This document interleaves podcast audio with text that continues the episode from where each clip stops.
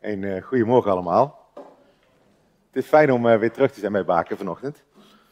Twee weken geleden is Jacob begonnen met een serie um, en met een uitnodiging om een keer de Bijbel open te slaan en met een frisse blik uh, Genesis te gaan lezen. En hij heeft ons uitgedaagd om naar die tekst te kijken, zonder allemaal projectie van ideeën die we misschien al hebben vanuit de tijd waarin we nu leven, of die we ons al gegeven is. En daar wil ik mee verder gaan. Jacob zei, eh, we zullen een keer met Genesis beginnen. Ik nou, Genesis 1 vind ik wel heel leuk. Um, en ik ga een stukje minder doen naar Jacob, want Jacob vloog door 1, 2, 3, 4, uh, drie zondevallen. Hij, nou, hij, was bijna al, hij was bijna al bij openbaring. Vanochtend, vanochtend ga ik alleen maar kijken naar de eerste drie van die zeven woorden die in het eerste vers van de Bijbel staan. Omdat die volgens mij fundamenteel zijn voor hoe we ons leven leven nu. Dus we gaan helemaal terug naar het begin. Letterlijk. Helemaal terug naar het begin. Genesis 1, vers 1. In het begin. En dat is één woord. Reshit, zei de Jacob. Jacob kan al het uh, doen. Ik kan het wel opzoeken en dan herhalen, maar dat... Uh... Dat woord, daar lees je misschien overheen. Want en dan ga je nadenken van hoe dan en, en, en, en, wat geboorte gebeurde er toen en, en, en wanneer gebeurde dat dan? Hè? In het begin was dat 6000 miljoen, miljard jaar geleden. Maar dat staat hier niet. Het staat er niks over. Hier staat alleen in het begin. Dat er een begin is. Een begin aan ruimte. Een begin aan tijd. En misschien klinkt dat voor ons in de 21ste eeuw als volstrekt logisch. Volstrekt logisch. Want we hebben allerlei modellen uh, over het heelal. Ik heb de volgende slide uh, een mooi model erover. Waar duidelijk is van nou, er is een begin. Maar wisten jullie dat nog geen honderd jaar geleden mensen dachten dat het heelal er altijd geweest is? Nog geen honderd jaar geleden. Zelfs de slimste mensen van die tijd, en ik zal er eentje noemen, Albert Einstein, die is toch niet de domste zou ik zeggen. Albert Einstein was bezig met zijn rekensommetjes die komt uit met zijn algemene relativiteitstheorie. En daar kwam uit dat er een begin was. Hij zei, nou, dat kan niet, want het heelal moet er altijd al geweest zijn. Dus ik ga constanten toevoegen. Hij heeft zitten, constanten zitten toevoegen en dan klopte zijn model weer. En pas een paar jaar later, in de jaren 30, kwam meneer Hubble van de telescoop, de Hubble-telescoop. En die zag, hey, het heelal dijt uit, het wordt groter, dus er moet, als je aan terug gaat reden, moet een begin zijn. En die constante van Einstein hebben ze vanaf dat moment eventjes op nul gezet. En toen klopte het allemaal weer. Maar zelfs als je niet zo slim bent als Einstein, denk ik. Ik denk, hoe kan Einstein dit nou over het hoofd gezien hebben? Dan moet je tot de conclusie komen dat er een begin was. Niet alleen omdat de Bijbel het zo zegt. als er nou geen begin was, dan zouden we nou oneindig veel tijd achter ons gehad hebben. En er is één ding waar die kan. Je kan geen oneindige berg beklimmen geen oneindig hoge berg, geen oneindige hoeveelheid tijd, kan je niet overbruggen. Dat is onmogelijk. Dat kan niet. Als er geen begin van tijd was, dan zouden er, we oneindig veel seconden achter ons hebben. Nou, dat is onmogelijk. Dus er was een begin. En de meeste mensen waar ik mee praat, ook bij ASML, die zeggen, ja, dat klopt. Dat moet iets zijn geweest. Maar dan komt de vraag, die is heel leuk vanochtend. Wat was er dan voor dat begin? Ik weet niet eens of het een zinnige vraag is, hè? want als tijd begon, dan wordt het heel moeilijk voor ons mensen om het gaan besnappen. Maar wat was er dan voor die tijd? Dat is een heel normale vraag. Zelfs kinderen stellen die. Want als er een begin was, was wat er ervoor? En de reden dat dat zo'n goede vraag is, omdat we allemaal uit ervaring weten dat er niet iets uit niets kan komen. Dat weten we allemaal. Dat dingen niet vanzelf complex worden, moeilijker worden. Als je een doos hebt met, met rode en witte ballen, dan kan je gaan schudden wat je wil. Maar er zal nooit een moment zijn dat alle dynamica noemen dat entropie. Dat gebeurt niet, het zal nooit gebeuren. Je moet energie toevoegen en dat zie je bij iedere tienerkamer. Je kan wachten hoe lang je wil, maar die wordt niet opgeruimder. Je moet energie toevoegen om dingen gestructureerd te krijgen. En zelfs dan is er maar een fractie van een tel dat dat zo blijft. Je moet gaan sorteren. Je kan met mensen gaan praten, hè? Van ja, oh, veel tijd, maar ja, dat is prima. Als er druppeltjes druppelen op een stuk papier, dan zal er op geen enkel moment, geen enkel moment, dat kan je miljarden jaren laten doen, zal in één keer een pagina uit, de, uit een encyclopedie in één keer ontstaan op dat velletje papier. Iedereen snapt dat. Dus hoe komt het dat wij in zo'n complexe wereld leven? Met hier een fotootje. Mensen en dieren die opgebouwd zijn met een heel woordenboek in ons, niet een velletje papier uit een encyclopedie, een heel woordenboek aan DNA. En wat zou er dan voor het begin moeten zijn dat we dit nou waarnemen? Dat is een hele goede vraag. En hoe je die vraag beantwoordt, bepaalt bijna alles, denk ik. Hoe je naar jezelf kijkt en hoe je naar de wereld om je heen kijkt. Als je namelijk denkt dat er niets was voor het begin, wat veel mensen toch denken, maar in de praktijk een beetje lastig vinden, dan heeft dat consequenties. En dan ga ik een stukje filosofie met jullie doen. Ik denk dat dat wel kan met, uh, met jullie. Iemand die dat nou veel beter uit kan leggen dan Maarten, is deze meneer. Meneer Jean-Paul Sartre, vorige eeuw, Franse filosoof. Hij geloofde niet in God. En hij was heel goed om dat allemaal netjes op papier te zetten, wat voor consequenties dat had.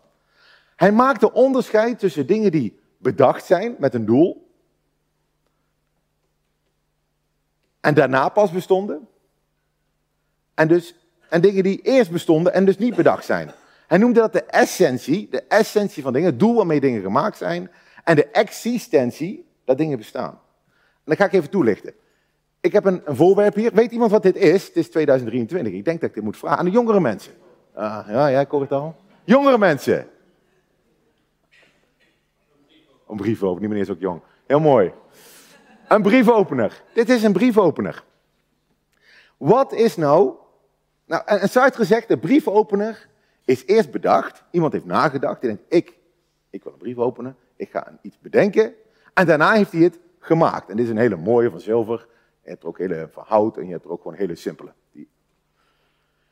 Dus het ding heeft eerst een essentie, een doel, en daarna pas een existentie dat die bestaat. Wat zou het doel zijn van een briefopener? Ja? Een brief te openen, ja. Dat is het doel van een briefopener. Maar zou je er nog andere dingen mee kunnen doen? Met een briefopener?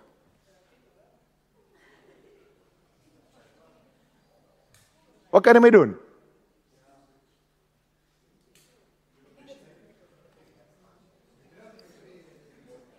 Voor mij kan je maar een schroevendraaier gebruiken voor kleine schroefjes. Er zit zo'n puntje aan, kan je, kan je... Voor mij als je boos bent op iemand. Voor mij mag je dit ding niet meenemen op straat om zend. Ja, meneer de agent was een uh, briefopener. Yeah, right. Mag niet. Je kan de fietsband van je fiets mee afwippen, denk ik. Moet je iets voorzichtiger mee zijn met dit ding. Je, kan je naam in het Colosseum inkerven, schijnt tegenwoordig heel populair te zijn. Je kan van alles mee doen, hè? Maar stel dat ik dat ga doen. Stel dat ik mijn naam eh, ergens ga inkerven met dit ding. Wat gebeurt er dan met die briefopener? Die beschadigt. Als je het ding niet gebruikt voor waar die mee voor bedoeld is, dan gaat die kapot. Want dat is niet zijn essentie. Nou, Sartre, omdat hij niet in God gelooft, die trok een conclusie. En die vind ik wel heel interessant. Hij zegt, mensen zijn niet als een briefopener. Kan namelijk niet. Mensen bestonden eerst en daarna moeten ze zelf op zoek gaan naar hun doel. Dat is grappig, hè? En daar ben je helemaal vrij in. Helemaal vrij om voor jezelf te bepalen. Wij noemen dat het existentialisme. En klinkt dat niet bekend als je om je heen kijkt? Dat je zelf helemaal vrij bent om te bepalen wat jouw doel is in het leven. Wie je bent. Dat je de enige bent die jouw leven kan vormgeven. Maar dat je ook de enige bent die als het niet lukt, dat je eigen schuld is. De jongeren, vooral de jongeren, maar ook ouderen, ervaren heel veel keuzestress. Omdat ze hun leven zelf vorm moeten geven. Ze moeten kiezen, studie of baan, wat is goed? Wat, wat, wil ik zijn? Het vinden van de juiste partner. Oeh. Zelfs stress bij het kopen van spullen die ze eigenlijk helemaal niet nodig hebben. De Bijbel geeft een ander antwoord dan Sartre op die vraag wie er was voor het begin. In het begin, in het begin, Rashid, staat in de Bijbel, schiep God. Elohim, we net over gezongen. En als dat waar is, als er een God was voor het begin, een God, ik heb nog gewoon over iets, en die God schiep, bara, die schiep ons, dan lijk je toch meer op die briefopener. Want dan had je dus eerst een doel en daarna pas bestond je. Eerst een essentie, daarna een existentie. En dan is het niet zozeer de vraag, ga op zoek naar wat doel is in je leven. Ga niet zelf bepalen wat dat doel zal zijn. Maar is meer de vraag, ga op zoek waar God jou voor gemaakt heeft. Of misschien iets minder individualistisch, ga op zoek waar God, het doel wat God voor ogen had toen hij de hemel en aarde gemaakt heeft. Zodat je net als die briefopener mag ontdekken wat goed voor je is. En dat je niet jezelf op een manier gaat gebruiken die jou beschadigt. Want als je met een doel gemaakt bent, dan zou het zomaar kunnen dat als je tegen dat ontwerp ingaat, dat er schade ontstaat. En ik moest hier aan denken, afgelopen week was er een nieuwsitem, ik weet niet of jullie dat gezien hebben, eh, een paar keer zelfs deze week, over eh, de geweldige tv-show Temptation Island. Hebben jullie het nieuws gezien? Het nieuws, hè? niet de show, hè? want dat durft hier niemand te zeggen. Maar hebben jullie dit, het nieuwsitem gezien? Nee. Er zijn mensen, zijn er geestelijk, psychologisch beschadigd door het meedoen aan deze show. Ja. Even leek het op dat Nederland en RTL verrast waren dat als je met je partner op een eiland gezet wordt, met allemaal camera's en aantrekkelijke figuren om je heen, die jou proberen te verleiden, waar je iedere avond de suggestie krijgt te horen dat jouw partner vreemd gaat, dat dat minder gezond is voor jouw geestelijke gezondheid. Daar waren mensen even verrast over. Je kan het niet lezen.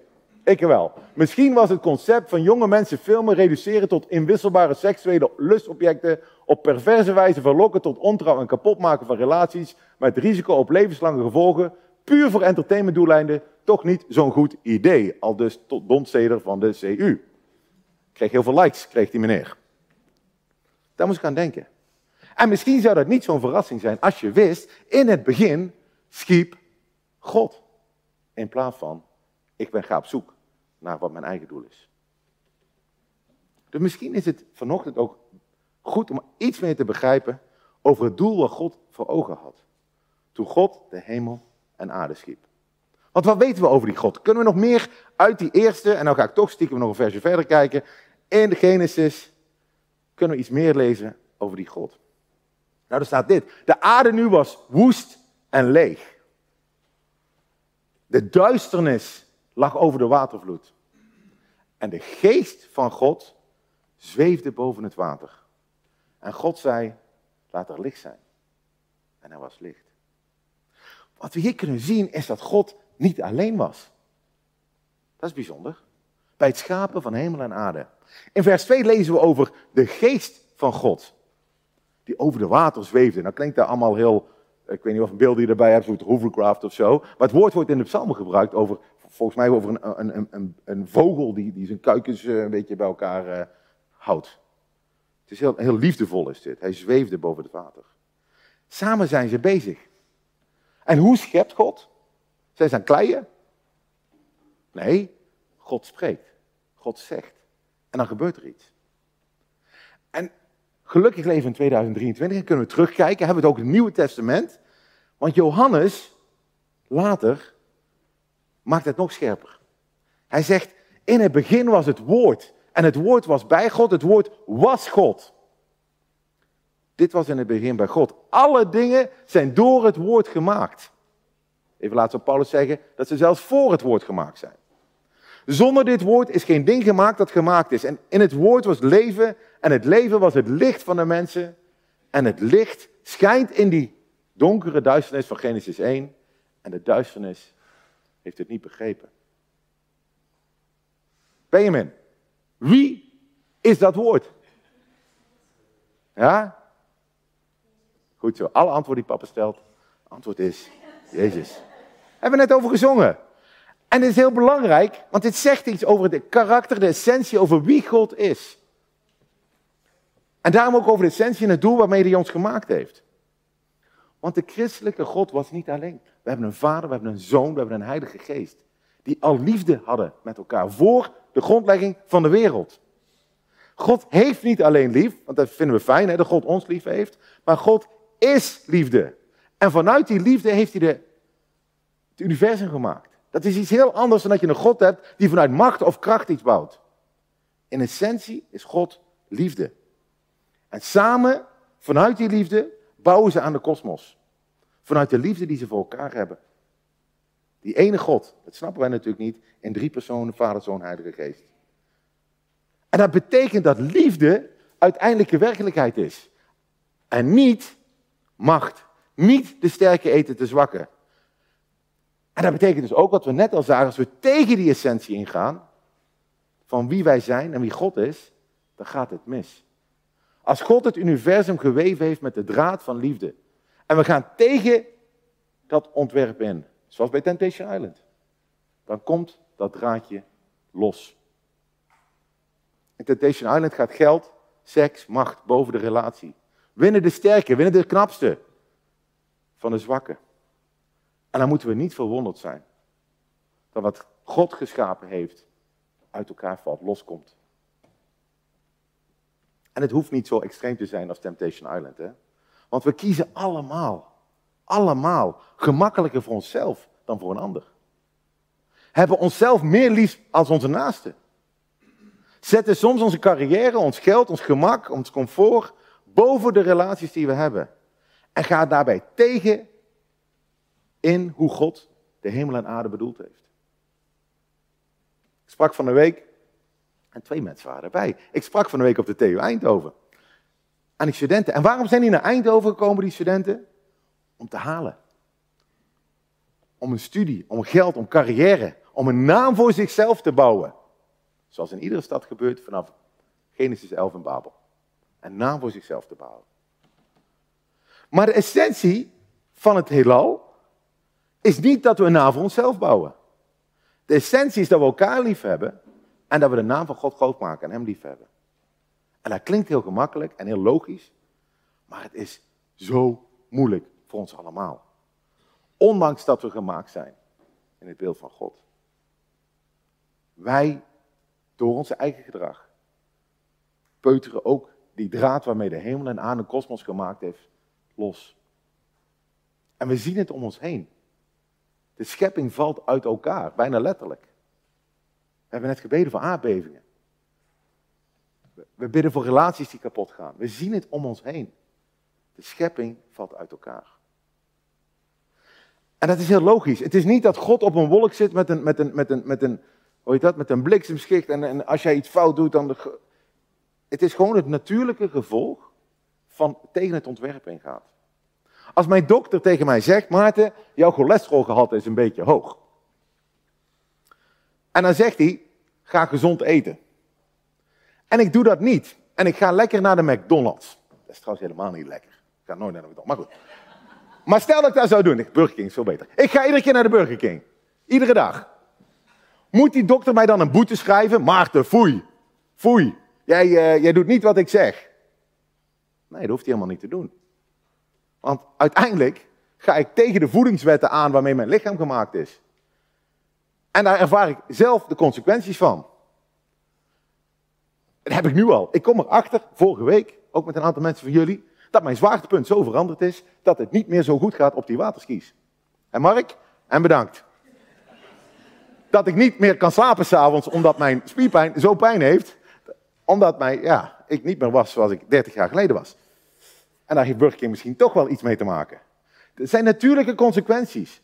God hoeft niet te straffen. Het gebeurt vanzelf doordat we tegen het ontwerpen gaan van het heelal. Herinner je die tekst nog van Johannes die ik net las? De duisternis heeft het licht niet begrepen. In die omgeving wonen wij. Hè? We wonen in de Big Mac wereld. Dus daarom de vraag aan jou vanochtend.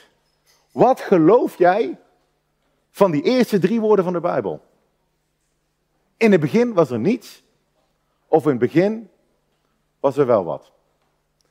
En dan begrijp ik dat de tieners met die vraag met Trudy meegaan. Maakt het uit, tieners, of er in het begin niets is of wel iets is? Ben je mag mee. Want Luc gaat ook mee, dus dat is wel leuk.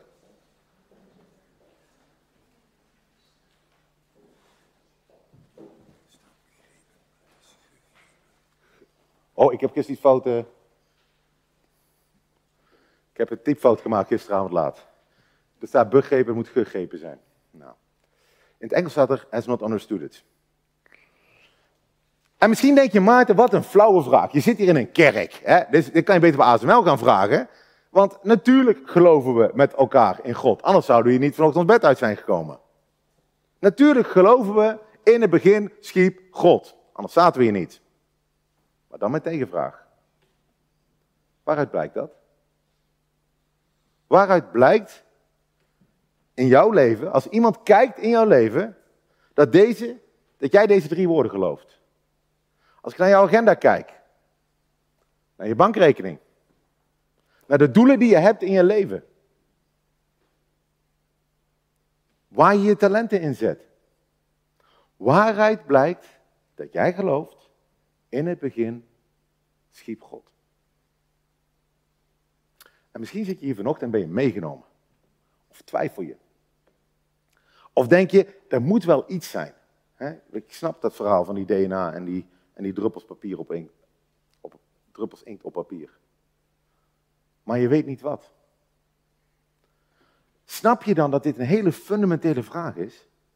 Niet wanneer het heelal gemaakt is, niet hoe het heelal gemaakt is, maar is er een wie die het heelal gemaakt heeft? Want als dat zo is, en ik geloof dat natuurlijk, dan verandert dat alles. Dan wil ik je ook echt bemoedigen. Als je erover twijfelt, ga daar op zoek naar het antwoord. Heeft de Bijbel gelijk in de eerste drie woorden van de Bijbel? Ondanks alle rariteiten die vervolgens nog komen. Daar mag je ook over praten de komende maanden. Durf je die Bijbel te onderzoeken? Als er een God namelijk is, die hemel en aarde en jou en mij gemaakt heeft, dan kopt die God alles toe. Heeft hij recht op alles van jou en alles van mij. Maar als er geen God is, dan kan je doen en laten wat je wil. Dan leef je voor jezelf. Heeft het ook geen enkele consequentie. En dat klinkt misschien heel aantrekkelijk. Dat lijkt misschien ultieme vrijheid, maar dat is het zeker niet. Op het eh, dak bij ASML zit deze vogel af en toe. Een eh, slechtvalk heet dat beest. En dat beest is geweldig, die kan vliegen. Soms zit hij hier.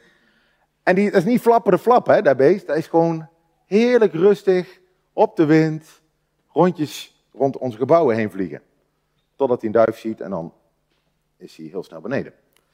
Daar is die vogel voor gemaakt.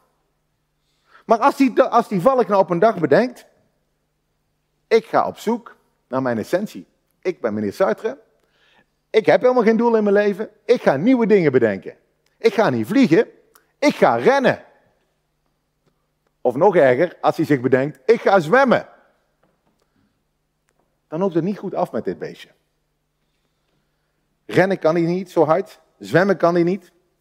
Zijn vrijheid om te kiezen wat hij graag zou willen doen, leidt dan in eerste instantie tot een lege maag.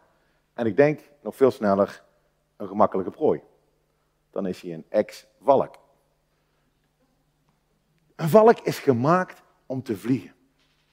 En dat is zo duidelijk en zo logisch voor ons dat een vogel gemaakt is om te vliegen.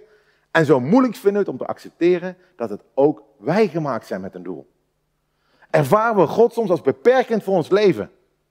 Omdat we denken dat we meer vrijheid zouden hebben als we zelf mogen bepalen wat we doen.